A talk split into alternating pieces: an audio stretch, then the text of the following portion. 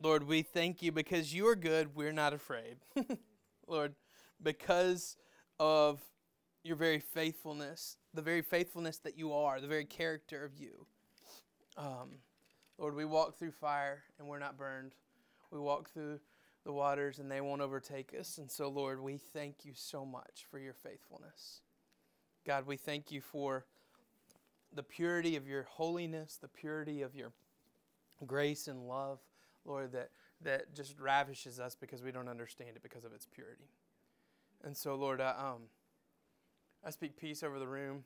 I speak unity over the room, God. And Lord, as we open up your word right now, um, we lean into you. We dive deep into you, God. Overwhelm us in Jesus' name. Amen. so I'm hyped up on steroids, so I turn the fan on, okay? Um, hey, uh, uh, so we uh, start a new series, and we just wrapped up the series, kind of like battles and blessings, dealing with the life of David, and then um, really kind of praying through it. And I, I'd sent um, Ann and David a text message. Ann and I talk, but I sent her a text message with David. So, sent my wife a text message. Um, yeah, uh, sent Ann and David a text message with like two or three things I felt like the Lord was leaning into. And to be honest, um, I'm like, okay, God, I'm in a new routine here. I'm speaking a lot more than I'm used to. We've got a lot of things. Brain capacity is one thing that I keep praying about. Like, Lord, let, give me more brain capacity. Give me more time to process logistically around the church, pastoring, family, and then, oh, oh yeah, every time I turn around, I got to speak. And so um, I had this one huge idea, and we'll do it at some point in time. We have to do it at some point in time. Just kind of diving deep into the, the idea of offering and sacrifice. And, and kind of really wanted to do that, but knew probably didn't have the time, capacity, all that stuff to do that. Um, and then I had another idea and then I had this one that I've kind of taught before. I've kind of taught this before. And so I sent it to both of them, and they both basically said the exact same thing. Oh, this is exactly what we need to do. And so I kind of went and I don't like doing this. Uh, I went and kind of brushed off an old message, and it completely morphed. It, it's completely new message. I thought I was just going to preach an old message, and it's a completely new message. So if you have Bibles, you can turn to John chapter 4. Um, and we're going to spend two weeks with this story. And it's not it's more than a story. It's a reality a historical context of what happened. All right now that we got the air moving i don't want to quote, freeze anybody out. Um, historical context of what happened. So the woman at the well. And you know that this is kind of one of those seasons that we're in um, school starts back uh, things get back into a groove. It's still abnormally ridiculously hot outside. Um, the allergies start to happen, maybe monotony plays in a little bit, and it's like you start to say words like refreshment, and everybody goes, "Oh yeah, I like that word," um, or fresh breath, or those kind of concepts. Man, man, in a season that we might need refreshment. Okay, it rained a couple days ago, and I thought, "Oh man, this is like good" because we hadn't had rain in a couple weeks, and um, if you kind of process that word refreshment, what refreshes you? Think about it for a minute. I'm not talking like uh, instant gratification. What is it? Uh, is, it Sprite that was like always talking about refreshment or something? I feel like Sprite. That was like the tagline. Quench your quench your thirst. That's right. But like like super refreshing concept. I'm not talking about something that physically refreshes you. I'm talking about like you feel it in your soul. What refreshes you? Um, behind Maureen is probably a twenty dollar candle that we're on like the third one in like two weeks. Okay. We have candle problems. We, we lived in a 1,100 square foot apartment when we first got married, and I literally counted one time. We had 28 candles out at one point in time. I'm not kidding. I'm not kidding. Now the people below us cooked with curry, and so it kind of changed. We needed we needed the candles, but um, that candle for some reason refreshes me. Why? we always light this candle when it's football season, right? when it's football season, it's football season. So put football in. The kids come down. It's like, Max is lighting the candle, goes, It's fall! Like he's screaming, like he's lighting the candle. For some reason, for me, and it plays out, I think, throughout the rest of the family, and probably plays out for you too. The kids, for me, being in the woods, outside, that crisp fall air, You know, when you walk outside and the grass is cold, that concept, that's refreshing, like deep in my soul. It's not instant gratification. I, I'm learning this about myself, and I've been learning about myself for a long time. When life gets crazy, I have to block out time to do nothing. I have to. So a couple weekends ago, I could, or last weekend, it was uh, could go hunt, and it's ridiculously hot outside. I wasn't ready, so when you're not prepared to hunt, it's usually chaotic and it's stressful and all these things. And I sat for two hours in the woods and like game changer, game changer for me because it refreshed my soul. What refreshes your soul? If you don't know that, process that a little bit. What is it that refreshes your soul? Here's something that's generic. I just gave you specifics for me around the woods and the kids and maybe the fall. But something that's generic. New movements refresh souls. Sometimes people's personalities refresh your soul. New things, new perspectives always refresh your soul. And I don't mean actual new things. Did you know that Apple, when they have you ever opened a package from Apple and it's almost like vacuum sealed, like it, it does that number when they do it? They literally have a specific air quality that they put in their th- in their boxes as they seal them. And if you open any Apple product and you smell that smell, it's the same smell in all of them. It's a it's intentional to give you some type of uh, what is it four or five senses uh, effect as you open a new product. It works, doesn't it? right? You open that new product, and ooh, nice and clean, and it smells good. You know. The concept of sometimes things can refresh our souls, and that's not a bad thing. When you have to buy 50 products in order to feel good, then you got a problem.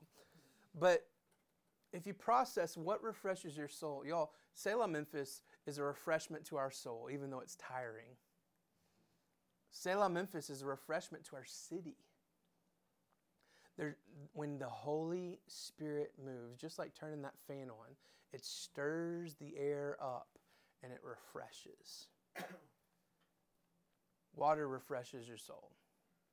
We had an incredible, fortunate um, last October got to go um, to Ireland. And so Anna and I went to Ireland, and I don't even remember where it was, was uh, the waterfalls. So, so literally, it's like um, Gollum could cl- come out of the uh, at any point in time. We're like walking through, and it's literally what you would think the woods in Ireland look like. Like the moss has grown up, and there's no green like that green over here, right? Yeah, and you could yeah you, you literally could smell the green and you're walking through and there's these I, I, they're like 100 foot tall i don't even know what, what kind of trees they are but it's literally got the green grass growing almost all the way up it and it's just this deep forest green concept and literally you're walking and there's this stream coming down and all of a sudden you turn the corner and there's like this four tiered waterfall that people like swimming in and stuff and just that mist that feel the aeration of the water right there's a reason why God gives us feelings around water that. There's a reason why at 95 degrees, you can't go 90 minutes without some type of drink, otherwise, you start to dehydrate. There's a reason why our body requires water. And the reason's found in John 4. It's not because he designed our bodies that way, it's because he wanted to be able to step in at some point in time and say, hey, that same concept of refreshment, I'm that. He wanted to be able to say that. Mm-hmm. But there's this cool thing that you guys have seen before. I grew up around the corner from our house was this huge lake, and it's cool. We still go over there and fish and stuff like that. I was homeschooled, and my mom learned this about me that sometimes Ryan needs to clear his head. So she'd tell me, go skip rocks. Like, go play in the street kind of thing. No, she'd tell me, go, go, skip, go skip rocks. And so I'd literally go down the lake, and found beer bottles and throw rocks at beer bottles. But um, but no, it's skip rocks. Well, you you to know the tension on the water. If the water's flat, if the water's smooth, there's that layer of skin across the top of it. That surface tension, bugs can land on. Even some uh, lizards and stuff like that are designed to be able to run across the surface of the water. And God started to speak into me, and I'm going to read the passage in just a minute, but watch this. This is point one. Our story on the surface never fully re- reveals the depths of our intentions and desires. If you think about it for a moment, a mosquito or one of those bugs that's crawling across the surface of the water, if that's all you know about it, you look at that animal, that insect, and you go, he owns the place. He's skipping across the water. Like, right? It looks like his land until that huge bass comes up and eats him. The surface never tells the full story. The surface of the water is designed to lay placid, but ultimately never really reveal the depths. There has to be intention behind it. Only bugs can sit on the surface of the still water, but still, I try to live life up there and I'm going to sink. I'm going to sink instead of diving in, two different perspectives. When you fall in mistakenly, it's no fun. When you dive in, it's expected. It reminds me a little bit when every knee will bow and every tongue confess. So I have an opportunity to bow my knee now. And I have an opportunity that my tongue can confess now. And if I choose to, life is lived so much better. But at the last moment, when I have to, out of, oh man, I missed the boat, it's not as fun. When somebody pushes you in a pool, maybe it's a good laugh, but man, I got my cell phone in my pocket. Versus, no, we're going to go swimming. Two different perspectives. God has designed life to be lived intentionally, to where we intentionally dive instead of living on the surface. So, in this series, as we talk about deep waters, we cannot, cannot, cannot take things as face value. We have to dive deeper. We have to push past the surface. Otherwise, we're just the bug skipping, thinking we own the place, when in reality, something's going to come up and get us. Watch this. In John chapter 4, verse 1, watch the story on the surface level first. Jesus knew the Pharisees had heard he was, he was baptizing and making more disciples than John, though he himself, Jesus, didn't baptize them, the disciples did. A lot of theology there, we'll move on. So he left Judea and returned to Galilee, okay? Judea's in the south, Galilee's in the north, okay? He's, he's moving from the south to the north, towards the northern kingdom, going to pass Jerusalem, all that stuff. He's going to head north. In between the two is Samaria, okay? typically Jews and Samaritans, you know the story, they don't like each other, they don't they don't interact to the point where if they just crossed the Jordan and kind of went around on the eastern side, they wouldn't go through Samaria. But watch verse 4. He had to go through Samaria on the way. Eventually, he came to the Samaritan village of Sychar, near the field of Jacob that Jacob gave to his son Joseph. Jacob's well was there. And Jesus, tired from a long walk, sat wearily beside the well about noontime. Soon a Samaritan woman came to draw water, and Jesus said to her, Please give me a drink. He was, he was alone at the time because his disciples had gone into the village to get food. The woman was surprised, for Jews refused to have anything to do with Samaritans. And she said to Jesus, You are a Jew, and I'm a Samaritan woman. Why are you asking me for a drink? Let me stop there for a moment. Surface level, Jesus is tired sitting down by a well at noon to get some water. Surface level, a woman, Samaritan woman, going to get water from the well about noon. But as we've talked about, we've got to dive deeper than the surface. We've got to penetrate and, and get into the depths of it. Watch this. He had to go. The Bible says he had to go through Samaria. We'll talk more about next week. But ultimately, this is the ushering into the Gospels for the Jews or the Gospels for everyone. Through this one woman, through this one woman, our theology changes. Through this one woman, everything changes, really. And I'm going to talk to you more about that later. He had to go from the north to the south. He could have gone around, but he chose he had to go. He's God. He's a man, young 30s, not used to driving a Ford pickup truck, used to walking.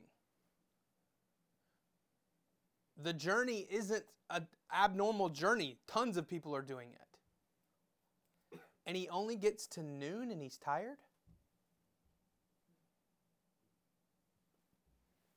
He didn't have to go through Samaria, he had to go to meet that woman. Jesus lives intentionally more than we realize. We say those things. We say that Jesus lives intentionally. But watch. The disciples went, he's tired and weary. They went to go get food. He didn't want to go with them. Anytime you see Jesus arranging the chairs, sit back and get a perspective. When God starts to align things in your life or change things up, it's so healthy and refreshing to back up and look at it in a different light.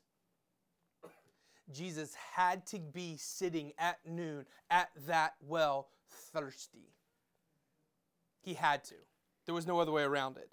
And he what think about it. Why did they leave Judah? Judea. Because they, they were running him out, basically. He's doing ministry. He had to leave to go meet with a woman at noon at Jacob's well. You see the intentionality? Now, watch.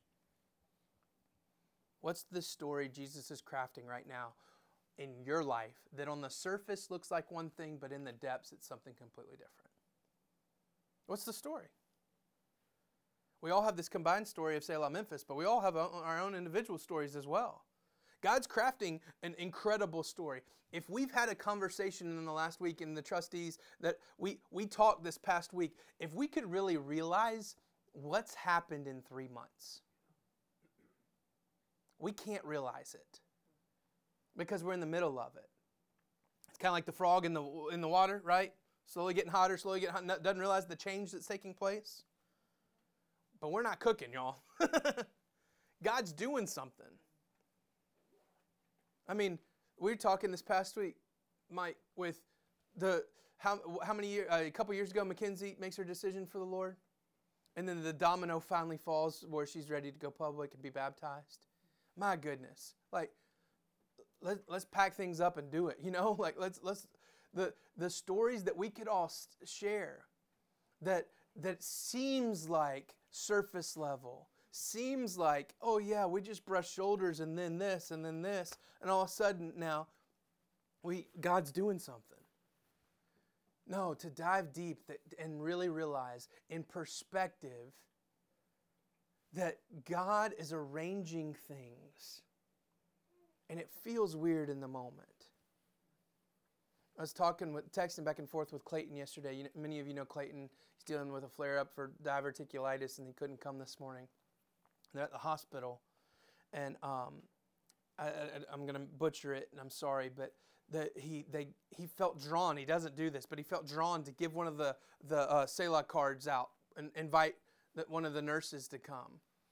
And she said she's grown up in church her whole life and kind of been abused by religion, but really lately has been wondering if she should get into church or not. And here that dude's at the hospital struggling.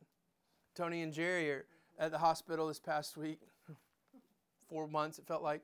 Um, at the hospital this past week, and there's a, a former high pointer there, and I kind of recognized her when I walked in, and Tony and Jerry kind of said something to her. Well, I'm walking out, and then they say, "Hey, you know Ryan Mullen? Yeah, that was Ryan. Yeah, whatever. Um, yeah, we're in the process of starting a new church. It's called Selah." And she started crying, and she has the word Selah tattooed on her arm. Was her arm or finger? And been looking for a church you know, that, it sounds like uh, an ad for the church. That's not what I'm saying. I'm saying that God's placing things around us that we have no concept of because we're caught up in the middle of it. And to see past the surface and see really what's happening underneath. Look at the woman's story. The woman on the surface, it looks routine. She's just going to get water. But we know culturally it's a lot more than that. She's alone. This was literally the concept of the water cooler talk. This was the moment where back then, women would gather as a routine before the day started, get the water for the day to cook, clean, and prepare. Why is she alone? It's the worst part of the day to do this, too. It's hot. Why is she choosing to go when no one else will? God, bad timing, hot part, had to she had to go get water. Jesus had to be there. And she had to be there. She can't live off of it. She had to get water. this is a concept that I really learned a lot about when I was in Guatemala. We do this thing in Guatemala where we'd go and build homes, and sometimes it'd be a, a, nice neighborhood that's been destroyed, and sometimes it would be no running water at all, and they're trying to re- rig pipes up and stuff so that they can uh, pump water. And there was this one guy in town that had created a pipe coming off of a clean, somewhat clean stream, and it basically ran 450 yards. This pipe did, and it would drip out slowly, and you could fill maybe a, eight ounces in about 30 seconds. It took a while. And he would stand there, and anyone that had a cup, he had like these cups that he would sell to them. Anyone who would have a cup, he'd charge them 50 cents just to get the water. Well, the women figured out, let's follow the pipe. so the women would get up in the morning and go and get the water themselves and bring it back. Same concept. And they were doing the, you know, the water on the head thing. I tried it. I was awful. It was awful. Oh, they were one of the lady. She fell over on the floor, laugh, or on the ground, laughing at me, trying to balance this huge water jug, like six, seven gallons on top of my head. It was awful. But but the but watch, the intent would be in the morning to be able to use the water all the day. And then tomorrow morning, I'm out of water. I got to go again. Why is she there in the middle of the day? She's an outcast. She's picking the hottest part of the day because nobody else is going to be around. What seems to be routine is really something she's using to hide. And she had to get water. when life is as is at its most monotonous, it's time to set, step back and get a new perspective. Point two: just under the surface is the same story, the same story with the same words, but a much different perspective. Just under the surface of the water, it's the same story. You can, when you get underwater, you can see up. And it's the same story, same thing, but a very different perspective. Read this in, in verse 10. Jesus replied, If you only knew the gift God has for you and who you are speaking to, you would ask me, and I would give you, the li- give you living water. But, sir, you don't have a rope or a bucket, she said, and this well is very deep. Where would you get this living water? And besides, who do you think you are? Uh, you, who, do you think you're greater than our ancestor Jacob who gave us this well? How can you offer better water than his sons and his animals enjoyed? Jesus replied, Anyone who drinks this water will soon become thirsty again, but those who drink of the water I give will never be thirsty again. It becomes fresh, bubbling spring within them that gives them eternal life. Please, sir, this woman said, Give me this water and I'll never be thirsty again. I won't have to come back out here to get water. Watch this. Jesus says, Oh, don't miss it. It's the same story on the surface, but when we get a different perspective, it changes everything. It looks like a dialogue back and forth with water. But what if they're not talking about water? Let's read it from that perspective. If you only knew who I am and why I'm here and what's about to happen, is what Jesus is saying. If you only knew who I am, why I'm here in the middle of the day, and then what's about to happen in your life. And the woman basically says the same thing. Look, she says, But sir, you don't have a rope or a bucket. He's saying, If you only knew who I am, I'd give you this living water. And she's saying, Well, this well is very deep. What if she's talking about herself? What if she did know? And she's saying, No, if you only knew who I am and what I've done. Hey, I'm going to give you living water. And she's going, This well is really deep. And you don't even have a bucket. We approach Jesus sometimes like that, where Jesus is wanting to provide water, and we're going, I don't know if you can. She's lonely. She's come to that place. And an unexpected interaction with a Jewish man in the middle of the day when she didn't want to see anybody.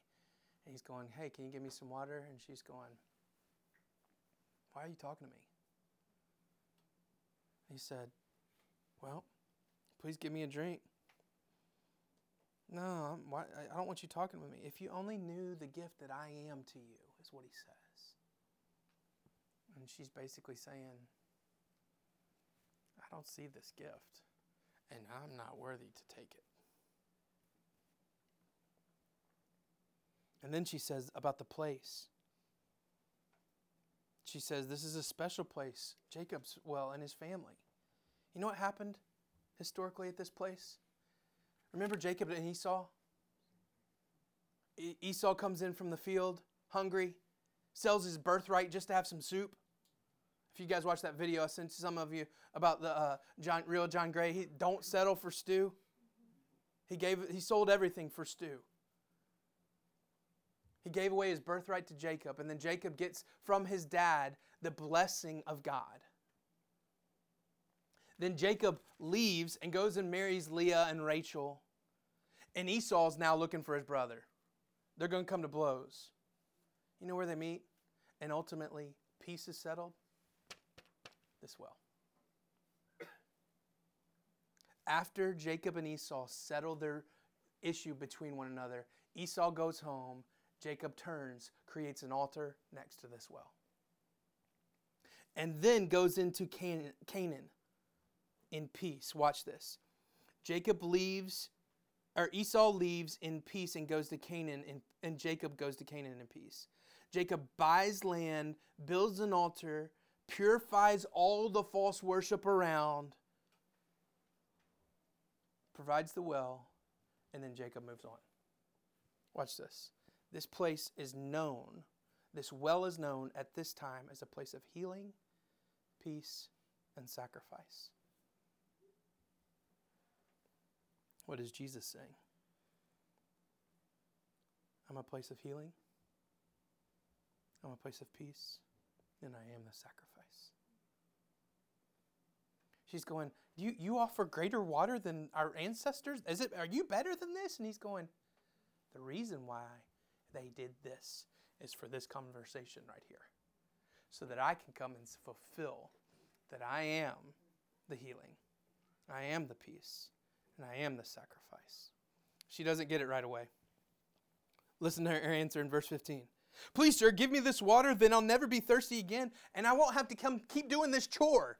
She's like, this is gonna make life a lot easier. Give me this cool water. Like, it's the fountain of youth concept.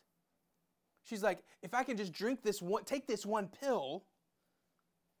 And Jesus going, oh, no, no, no, no, no, no. She's not getting it.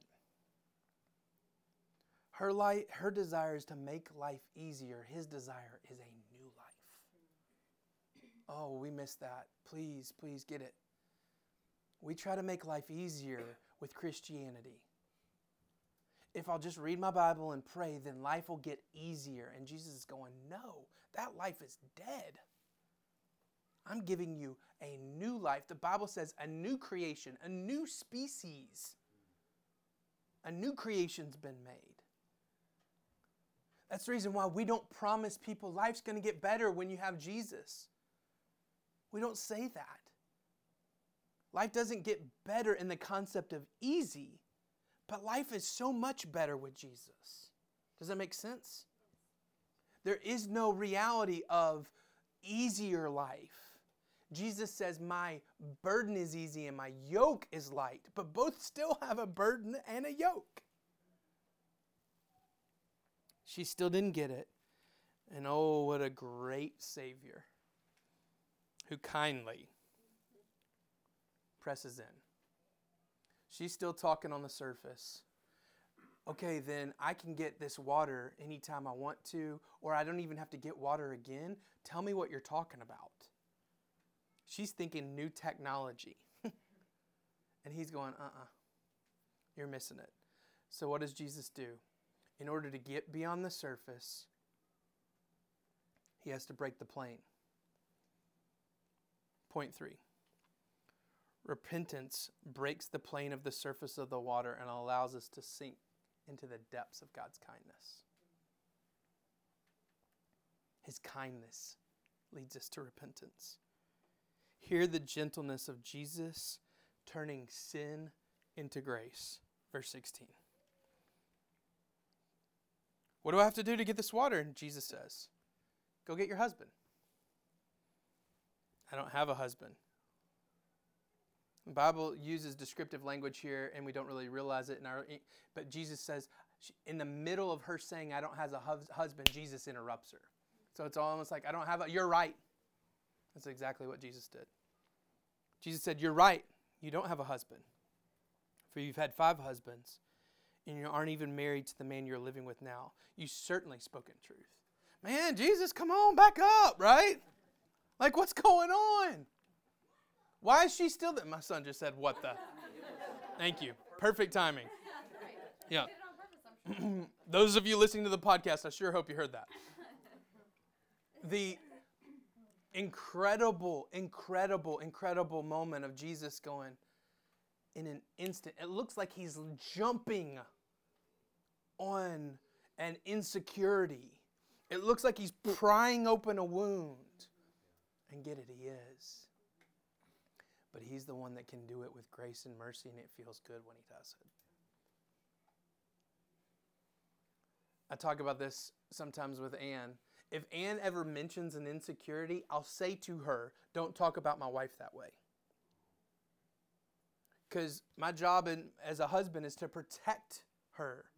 If you were to say something to her, I'd, I'd challenge you. If she were to say something about herself, hey, don't talk about my wife that way in the same concept, Jesus is leaning in, going, let's deal with this.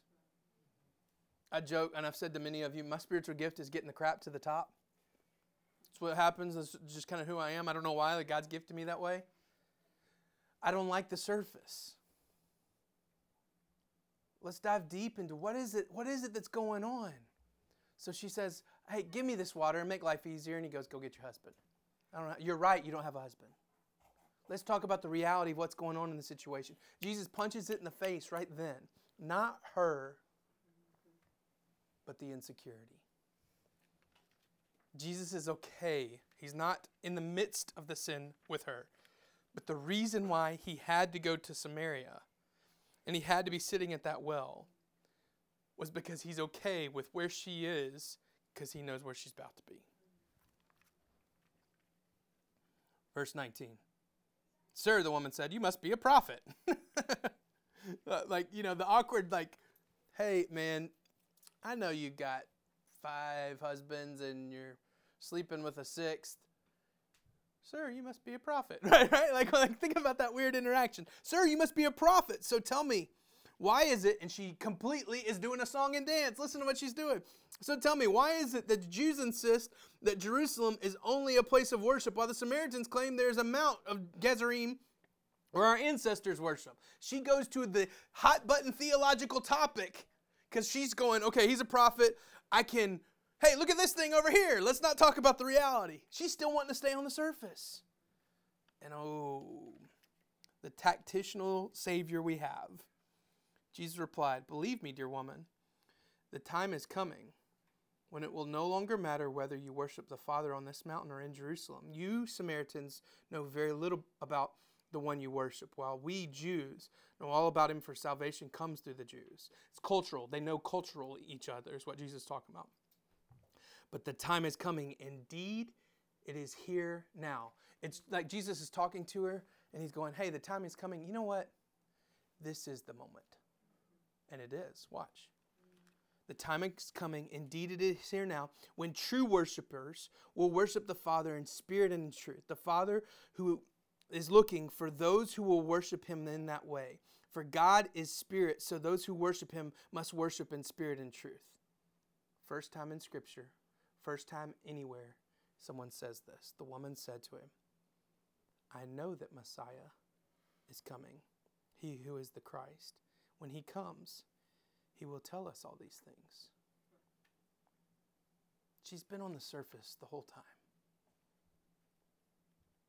Just like Jesus said, You're right, you've got five husbands and the fifth, sixth you're with.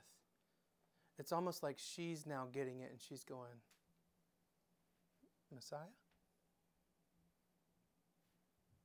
Watch what he does. Jesus said to her, I who speak to you am he. First time Jesus claims it, first time Messiah is mentioned. The Savior of the world. It is that moment. It is that moment. Just like the kids upstairs right now, interrupting everything. Just then, the disciples came back. They marveled that he was talking to a woman. Not just a woman, but a Samaritan woman. But no one said, What, what do you seek? Why are you talking with her? No one asked. And the woman left her water jar and went into town and said to the people, I found him. Oh, we'll talk about that next week, but watch this. Oh, please don't miss it. Repentance always reveals the depths under the surface for both man and God. When we dive and press in deeper, we find more of the depths of God and we find more about ourselves.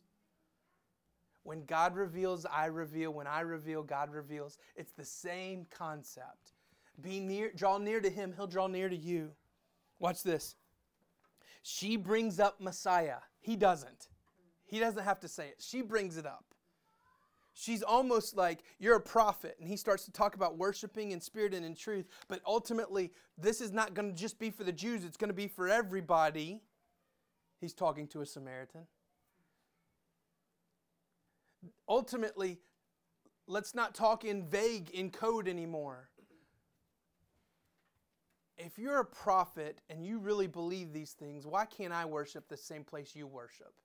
And Jesus is going, You're right, that doesn't matter anymore. Because when we really worship in spirit and in truth, the time's coming. You know what? This is the moment now where everyone can worship. And she goes, Messiah is the only one supposed to say those things. And he goes, Yes, it's me. Watch. Oh, don't miss the, the heaviness and the oh the just the thickness of scripture. What does she leave behind? Her jug. She's so concerned about the water. She's so concerned about, even in the middle of the conversation, well, maybe I don't have to do this chore anymore. She was so concerned about being alone and away from everyone. But when Jesus steps in and gives her the perspective that we all need to have the perspective of and changes and refreshes her soul, what does she do? She leaves behind the earthly, earthly thing that fills her up and the insecurity of being alone and runs to the city to tell everybody.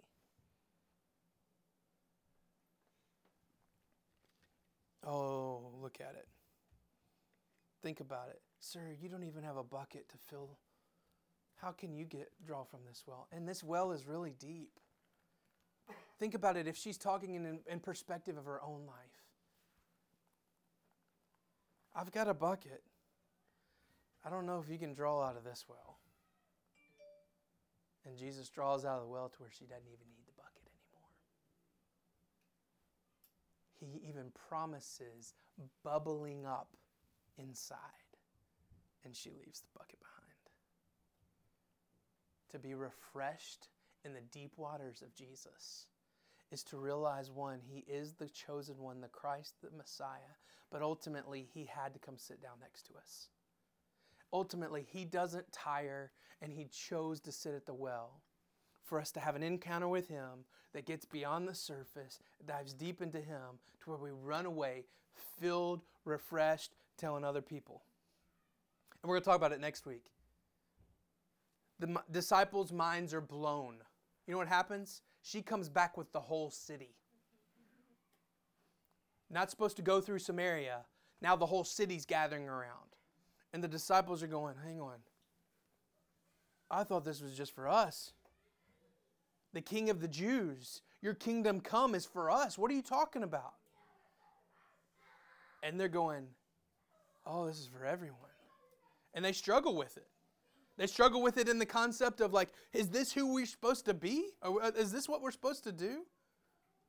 And all of a sudden, watch. I, I'm preaching my message for next week. Sorry. The Bible. They start talking about where did he get food? How is he so refreshed? They start talking it in those contexts. Either he wasn't tired and weary, which I don't think is true because Scripture says it, or when people draw out of his well, he gets refreshed just like you and I do when people draw out our well. Don't miss it. Push past the surface, dive deeper into the depths of God, look from his perspective, and God's aligning things that we don't even know. Let me pray for us. Oh, Lord, thank you for Scripture. Thank you for your Spirit. and God, I, I love you so much, and I thank you so much for the encounters that you lay in front of us like this. So, Lord, we ask for more encounters like this. We ask for more refreshment like this. Lord, we want a woman at the well interaction today to where you speak into our lives refreshment, renewal, and we walk away changed. Lord, we do. We worship you in spirit and truth. We take you to the Gentiles, to your chosen people. Lord, we take you to the, the lost, the dying, the struggling, those that are going midday to get water because no one they don't want to hang out with anybody, no one wants to hang out with them. Lord, we take your living water to them. And God, refresh us on the way. In Jesus' name, amen.